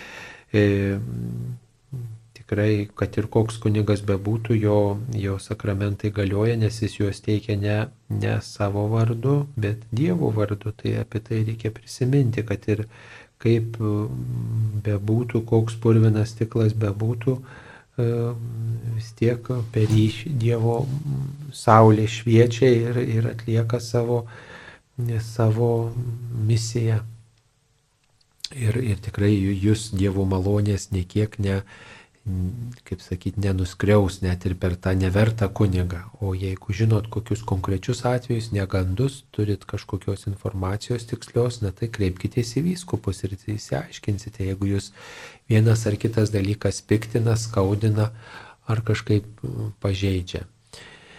Kodėl šiais laikais nevyksta tiek stebuklų, kiek vykdavo anksčiau ir kurie prašyti šventajame rašte? Aš nedrįščiau sakyti, kad nevyksta, man atrodo, kad labai daug stebuklų vyksta ir visai kartais mes jų net ne, neįvardinam kaip stebuklais, bet yra ir tokių labai akivaizdžių stebuklų ir, ir netgi patvirtintų bažnyčios ir išgyjimų ir, ir ypač kada skelbiami šventieji, tai netgi yra reikalavimas, kad per to šventojo užtarimą būtų įvykę ten bent keletas stebuklų, tai jie tikrai vyksta. Tiesiog galbūt mes netiek apie žinome. Kitas momentas, mūsų tikėjimas tikrai neparemtas stebuklais, o jisai paremtas vis tik tai troškimo būti su Dievu. O kad Dievas kartais randa būdų atskirai įsikišti ir pakreipti žmonių likimus ar dar kažką, tai tai visą laiką vyksta. Taip.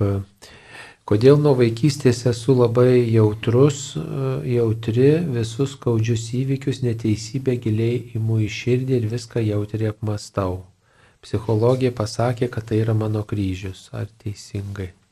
Na, mes charakterio būdą ar savybės tikrai atsinešame gimdami ir vieni žmonės tikrai jautriau reaguoja, kiti galbūt užgrūdinti įvairiausių ir skaudžių įvykių, kažkaip, kaip sakau, saugina storesnę tą odą, bet tai tame nėra nieko blogo, nes tas jautrumas, jisai, ypač kai kalbam apie neteisybės, tai vis tik rodo ir tą mūsų tokią dievišką prigimtį, nes Dievas, kuris yra tiesa, irgi skaudžiai išgyvena neteisybės. Tai, tai gali būti tiesiog paraginimas jūs melstis už tam tikras situacijas, užtarti žmonės, kuriuos pastebite neteisingai skriaudžiamus, kad tas, tos neteisybės būtų atsvertos ir jūsų maldų. Taigi, taip, gal stojančius į seminariją stabdo paklusnumas, vienatvė, celibatas, pasišventimas tarnystėje.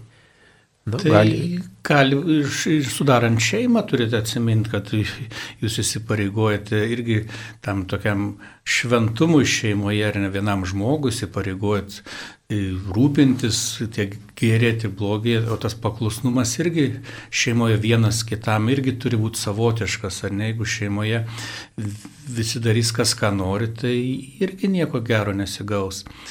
Tai tiesiog, aišku, kiekvienas pasišventimas jis yra savotiška auka, tai tiek šeimai, tiek kunigystė ir tu priemi, kad tai bus tavo gyvenimo dalis. Taip, dar viena žinutė yra. Ar tikrai galioja popiežiaus Pijaus X probuota sakramentalija atleidimo krucifiksas, kodėl nepaplitęs kaip stebuklingas medalikėlis?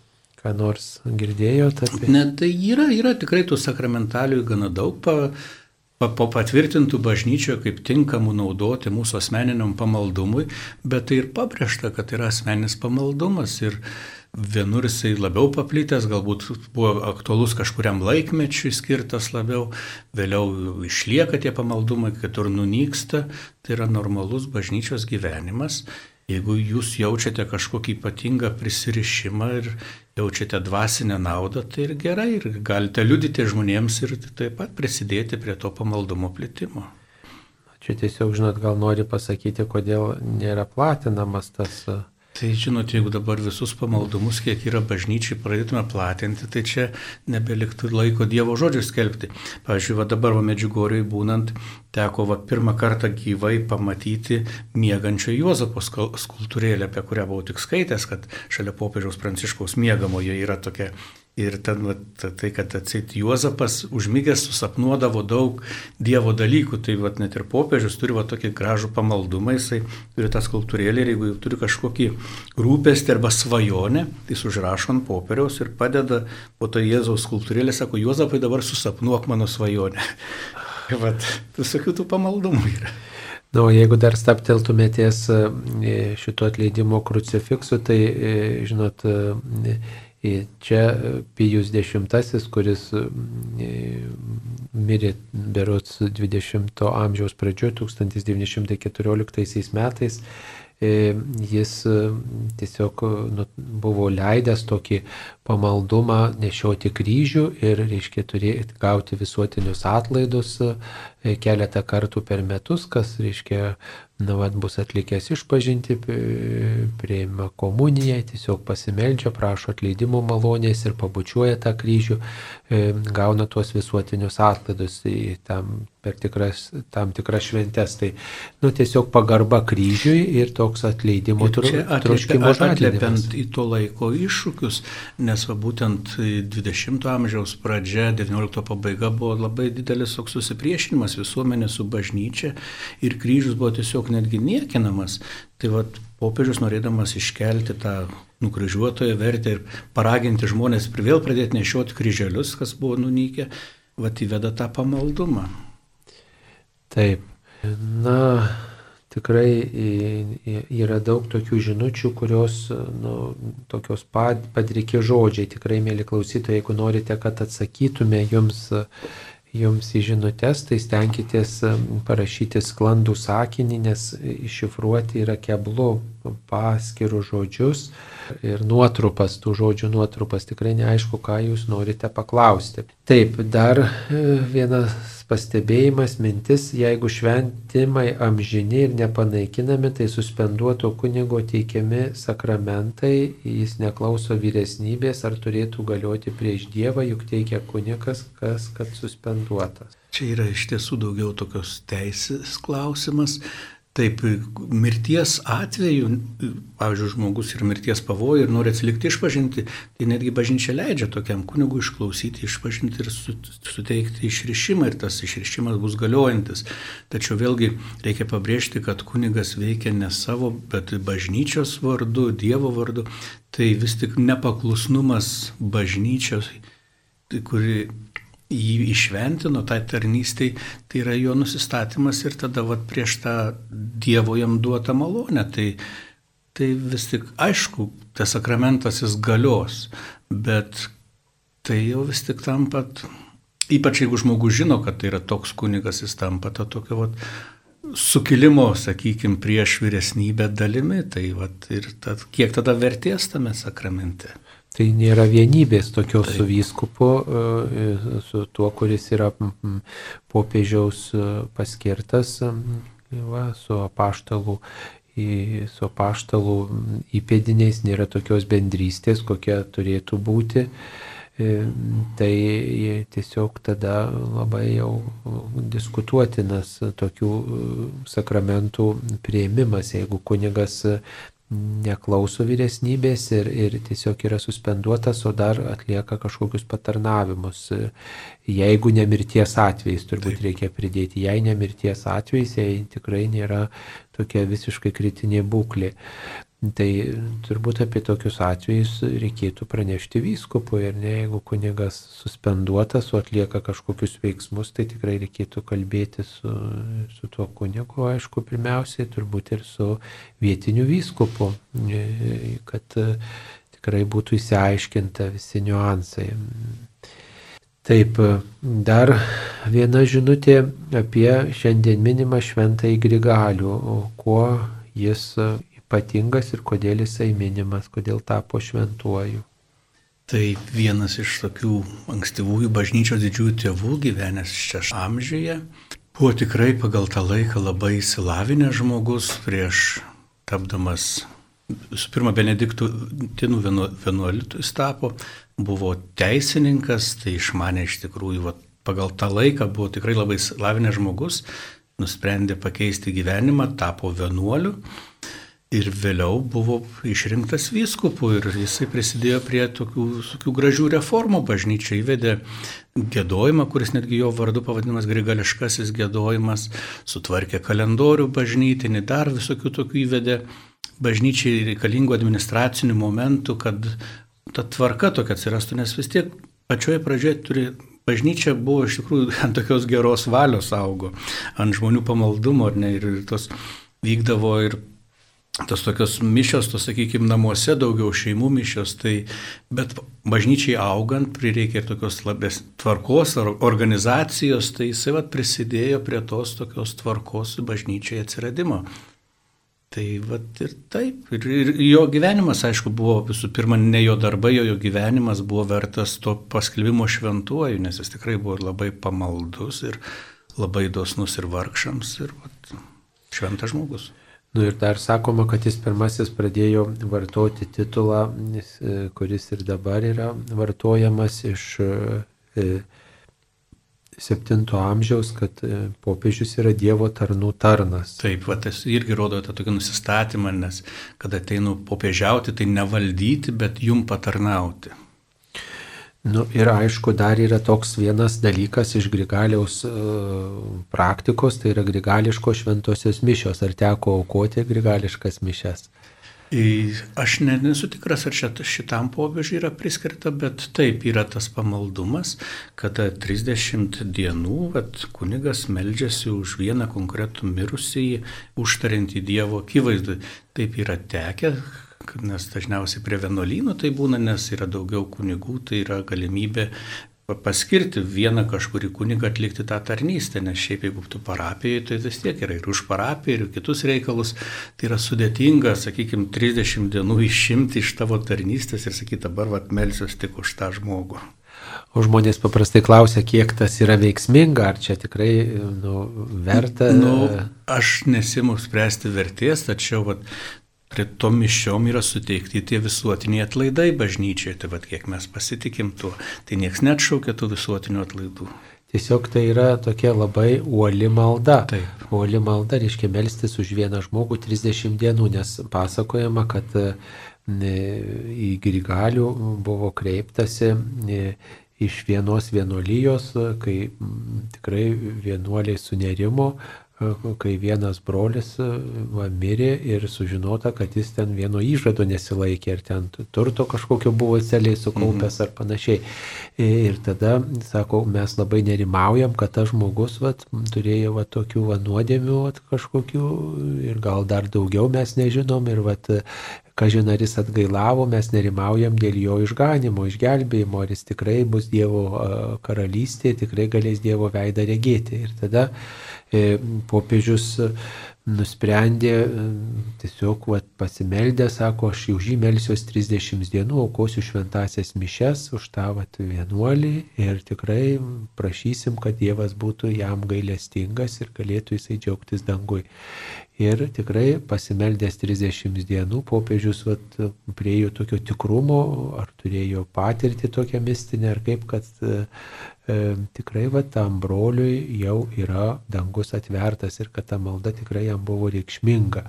Tai va toks, toksai paprotys paplito ir paskui kitose, iš pradžių vienuolyjose, paskui ir mm, parapijose, žodžiu, kad melstis galima už vieną žmogų 30 dienų iš eilės, specialiai tik už jį. Tai tokia speciali malda, reikalaujanti tokio pasišventimo, įsipareigojimo. Na va, ir, ir vat, kai kurie pamaldų žmonės tą prisimena ir tą tokią tradiciją pasinaudoja tais vaisiais. Aišku, kiekvienos mišios yra, turi tą tokią nelikstamą vertę, bet kai, žinot, melžiamasi daug už ypatingą intenciją, tai tikrai vat, yra tam tikras toks susikaupimas, tam tikras rūpestis, tam tikras toks pasiekiamas gal ir tos maldos intensyvumas tam tikras ir tada nu, vat, labiau ir tie dalyvaujantis mišiuose žmonės atsiveria Dievui, kurie, vat, reiškia, lanko, meldžiasi, jam rūpi tas žmogus, tokiu būdu parodo savo meilę, savo atsidavimą Dievui, savo tokį troškimą ir, ir, ir, ir turi galimybę turbūt ir, ir iš švento rašto įsiklausyti mintis, žodžiu, tikėjimas nuo to stiprėja, auga, santykis su Dievu pagilėja. Va, ir kiek mums tai yra reikšminga, tai, tai sprendžia jau čia kiekvienas žmogus. Aišku, nėra įsakyta bažnyčios, kad privaloma už kiekvieną aukoti grigališkas mišes, bet nu, yra tik tai toks par, tokia tradicija, kurią mes, toks paprotys, tradicija, kurią, kurią mes galime pasinaudoti, pratesti. Ir tikrai žmonių yra, kurie tuo pasinaudoja, norėdami išmelsti dangaus savo artimiesiems dangaus karalystės. Na, o šiai bažnyčia kviečia aukoti šventasias mišes e, už mirusi jo laidojimo dieną, taip pat vat, 30 dieną, metinių dieną, aišku, dar yra toks paprotys gavų žinia apie mirtį, kai tik tai gaunam žinia, kad numirė mūsų artimas žmogus, tai galim paprašyti, kad kunigas pasimelstų už e, mūsų artimuosius. Tai reiškia, tai yra tokia dvasinė pagalba, ypatingai e, tam žmogui, kuris iškeliavo, taip pat ir jo artimiesiems yra daug tokių galimybių stiprinti tikėjimą ir atgauti tokią ramybę ir, ir tiesiog atnaujinti meilę Dievui. Taip, rugsėjo pirmoji yra ne tik tai mokslo žinių diena, bet ir pasaulinė maldos užrūpinimasi kūrinyje diena. Gal žinote, kodėl tokia diena švenčiama? Ši diena buvo pradėta švęsti popiežiui Pranciškui išleidus encikliką Laudatosi, kada jis atkreipė dėmesį, kad žmogus buvo sukurtas ne tik tais džiaugtis kūrinyje, bet ir ją rūpintis. Ir tas jau netgi apgyvendinamas rojaus, tam vadinamam sodė buvo pasakyta, kad žmogui pavedė rūpintis visų tuo, kas yra. Ir tai yra tarsi mūsų ir pareiga prieš Dievą. Tai vad popiežius atkreipė dėmesį į tą mūsų ekologijos, sakykime, svarbą šiomis dienomis ir įvedė vat tą dieną, kad rugsėjo pirmąją mes melžiamės ypatingai atkreipdami dėmesį į, į mūsų tokią dvasinę ekologiją ir, ir fizinę ekologiją ir netgi paragino popiežius net išpažintyje išpažinti savo nusikaltimus prieš gamtą, sakykime. Taip ir reikia turbūt priminti, kad visas rugsėjo mėnuo iki pat e, Šventojo Pranciškaus dienos, spalio ketvirtosios, yra pašvestas e, kūrinyjei. Tai yra kaip kūrinyjei skirto laiko toks apmąstymas, malda ir galbūt yra galimybė ne tik tai melstis už kūrinyje, už tai, kad jie, jie būtų puoselėjama, jie atsakingai rūpinamasi, bet taip pat ir prisidėti, kad mūsų bendri namai, kaip popiežius mėgsta sakyti, būtų švaresni. Ir tas mėno jisai neatsitiktinai paimtas rugsės, nes tai yra vis tik ir derliaus nuėmimo mėno, tai taip pat ir pakvietimas padėkoti Dievui už tą tų metų derlių. Taip, o yra kokia tradicija pranciškonų šeimoje, vat, pasitinkant pranciškaus dieną kažkaip minėti, vat, kūrinyjoje kažką nuveikiant? Nu, visada būdavo net ir vat, Vilniui Buvo labai graži tradicija vat, valyti Vilnelę super, ne, jau čia daugybę metų ir dabar tikrai ta vaga išvalyta, o, atsimenu, prasidėjo pir, pirmieji valymai, tai tenais ko tik neištraukdavom, ten ir dviračių, ir padangų, ir ko tik nori. Dabar net sunku įsivaizduoti, nes kiti žmonės netgi eina maudytis į Vilnelę, kaip jin atrodė seniau. Ir taip yra kviečiama ir bažnyčias atsinešti savo augintinius, kad melžiantis kartu, kad atitraukiant juos ir Tai būna tas ir vat, šventinimas gyvūnėlių, tai yra, yra toj pranciškonų tradicijoje tikrai nemažai to sąlyčio su gamta. Taip, dar viena žinutė yra apie lyderius. Kaip krikščionybė padeda ugdyti lyderius? Krikščionybė visų pirma padeda žmogui aukti kaip asmenybei. Yra pakvietimas netgi, vat, ir kada kalbam apie, nu, apie įdas, apie darybės puoselint, tai yra visų pirma žmogui padėti pilną, užaukti pilnai, išauginti tas dovanas, kurias tau yra Dievas davęs, ta, užaukti pilnai kaip žmogui ir tada tas žmogus, jeigu jisai tikrai yra apdovanotas tą lyderystės dovaną, jinai yra auginama ir jinai puoselėjama. Na tai mūsų lyderis viešpats Jėzus Kristus, kuris parodė tarnystės pavyzdį, pasiaukojimo pavyzdį ir meilė, na tai čia svarbus bruožas, kurio galime mokytis pasiaukojančios meilės iš paties Kristaus mūsų lyderio lyderio, iš mūsų mokytojo didžiojo. Taigi labai nuostabu, kad ta Kristaus lyderystė, Kristaus pavyzdys, jisai ne tik krikščionės įkvėpė, bet ir daugybė žmonių at, parodė nu, tokį pasiaukojančios meilės pavyzdį, kuris na, at, atvėrė Taip naujus pat- horizontus. Ir taip pat ta tarnystės, ar ne dvasia, kada Jėzus sakė, kas nori iš jūsų vat, viešpatauti, tegul tarnauja visiems, ar ne, vat, ir minėjom tą grigalių, ar ne, kuris sako, vat, tarnų tarnas.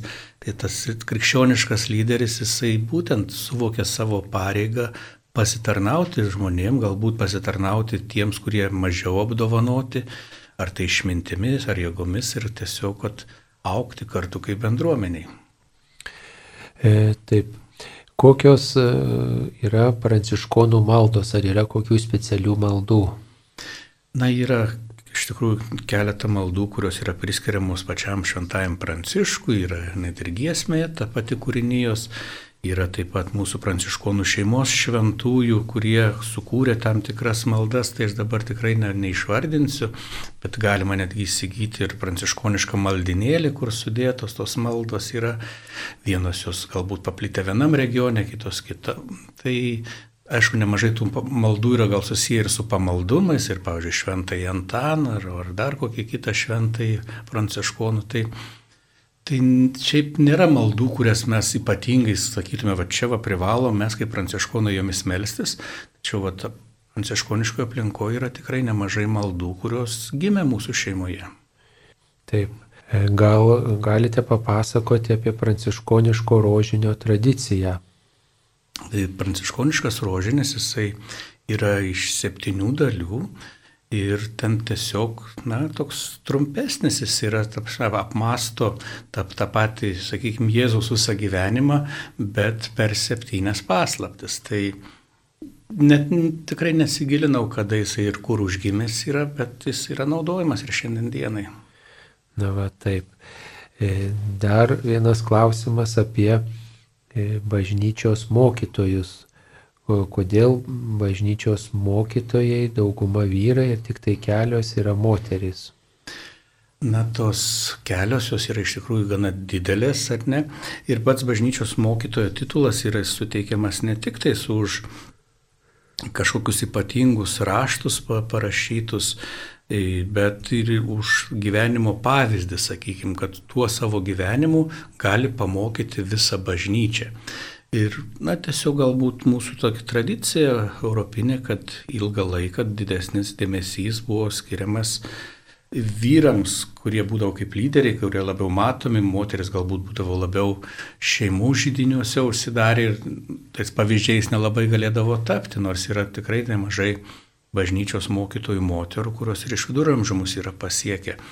Tai ta proporcija, tai nežinau, niekas šitą specialiai ne- neieško, kad va paskirti, kad atitiktų tiek vyrų, tiek moterų. Tiesiog galbūt buvo didesnė galimybė vyrams būti labiau matomiems, labiau žinomiems. Na ir be to bažnyčios mokytojai tai skelbiami tie asmenys, kurie savo raštai, savo įtaką tikrai mokė, tokią edukacinę atliko užduoti. Tikrai daugelis žmonių ieškojo įkvėpimo iš jų pavyzdžio, iš jų raštų, iš jų, iš jų elgesio. Ot, Pavyzdžiui, viena tokia, nors ir neparašius didelių veikalų, o bažnyčios mokytoja yra kūdikėlio Jėzaus Teresė. Taip, taip, tai būtent savo gyvenimą. Jau ten porą žodžių, tas mažasis kelelis, ar ne, bet tai yra pavyzdys visai bažnyčiai, kaip siekti šventumo. Tai vad sako, žiūrėkit ir mokykitės. Taip, dar viena žinutė apie gimimo šventę. Kodėl e, minime mergelės Marijos gimimo šventę, o apie tai šventajame rašte nieko neužsiminta. Šventam rašte tikrai apie daug ką nėra užsiminta, bet nemažai mūsų dalykų pasiekia iš bažnyčios tradicijos.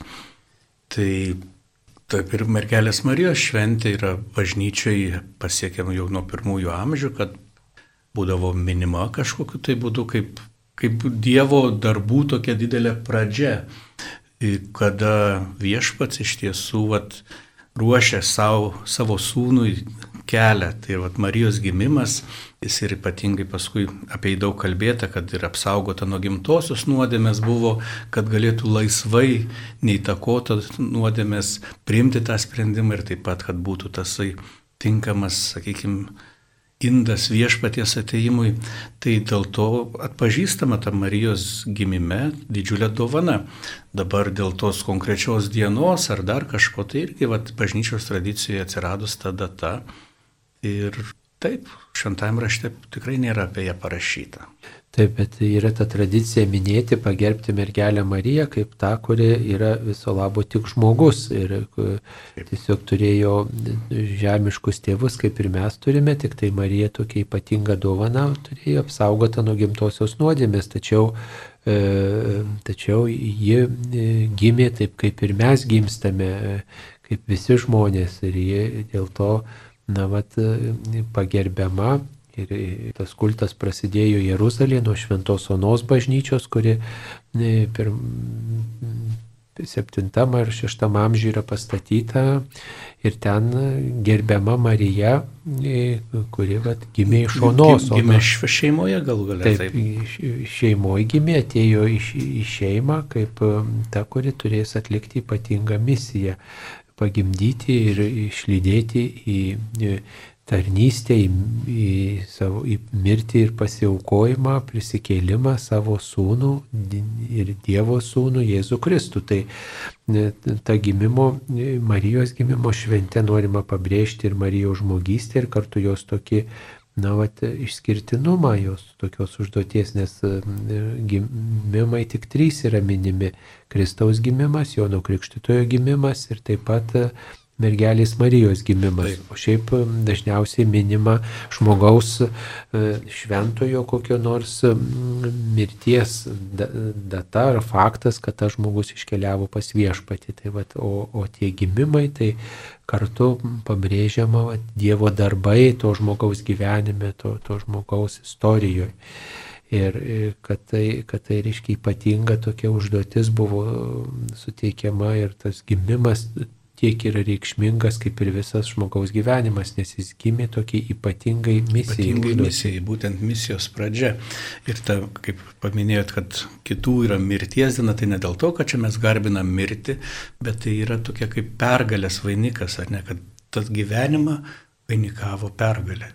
Taip, tai Kartu dar klausimas toksai yra, ar pranciškaus, popiežiaus pranciškaus yra koks ypatingas dėmesys pranciškonų vienuolyjei.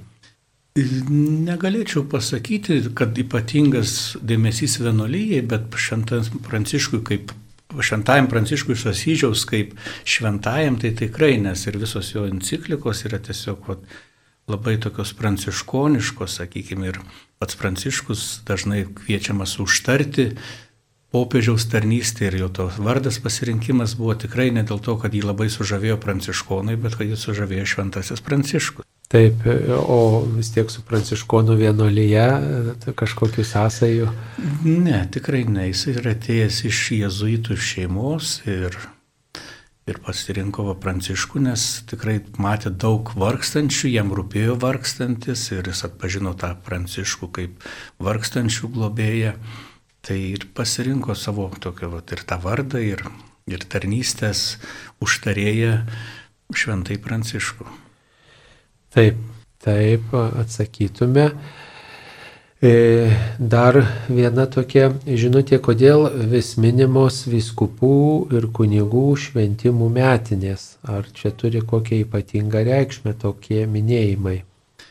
Tai lygiai taip pat turėtų būti galbūt minimos ir šeimose, vestuvių metinės ar ne, ar kitos tokios progos, nes tai yra vis tik šventimas tos tarnystės ir to ištarto taip viešpačiai, ar, ne, to, ar tai kunigo, ar tai vyskupo, kada jisai vat, prisiema tą tarnystę ir tą progą jisai dėkoja Dievui už tai, kad tą tarnystę gali atlikti. Tai čia yra daugiau galbūt ta šventė tam pačiam jubiliatui, bet jisai savo draugus pasikviečia irgi pasidžiaugti tą jo šventę. Tai priminimas apie tokios ypatingos e, misijos, ypatingos užduoties, turbūt tokia, tokia, vat, uh, sukakti ir galų galia tai yra grįžimas prie, to, prie tų šaknų, prie tos Taip. pradžios, ką aš čia švenčiu, ką mes suįsipareigojęs, kaip ir santoka. minime, tai žmogus, va, mes, žmogus nusprendžia, aš, va, prieimiau tokį įsipareigojimą su kitu žmogum Dievo akivaizdoje, dabar mes tarsi jį atnaujinam, turim progą. Tai lygiai taip pat ir kunigui turbūt vat, proga atnaujinti savo užduotį, kurią, ar vyskupui, kuriai ta, tai užduočiai buvau paskirtas, pasirinkau, atsiliepiau ir viešpats pakvietė ir tokiu būdu gal nupučiamos dulkės nuo, nuo tos taip, rutinos. Taip. Na va, tai tiek atsakymė jūsų atsiustas žinutės, jūsų klausimus. Ačiū visiems, kurie e, rūpinatės ugdyti krikščionišką tikėjimą. Primenu, kad e, jūs klausotės Marijos radijo. Marijos radijas išsilaiko vien tik iš jūsų aukų, mėly Marijos radijo klausytojai. Jo neremia jokios organizacijos, jo neremia nei bažnyčia, nei Vatikanas, nei dar kažkas, nei bankai, bet mes išlaikomi tik iš jūsų aukų ir aukas renkame įvairiose parapijose per atlaidus ir įvairiomis progomis ir taip pat auką galite atnešti į Marijos radijos studiją Vilniuje ir Kaune pervesti internetu arba paskambinti trumpaisiais numeriais 1623 1622 ir tokiu būdu prisidėti prie Marijos radijo išlaikymo, gyvavimo, kad Marijos radijas nenutiltų ir skelbtų tikėjimo žinę. Šiandien laidoje dalyvavo pranciškonas kunigas e, Jozapas Marija Žukauskas. Ačiū, kad atėjot, skirėt laiką šį šeštadienį ir taip pat prie mikrofono buvo aš kunigas Saulis Bužauskas viešpats te laimina, te saugo kiekvieną iš jūsų ir te augina visų mūsų tikėjimą. Ačiū, sudė. Sudėjau.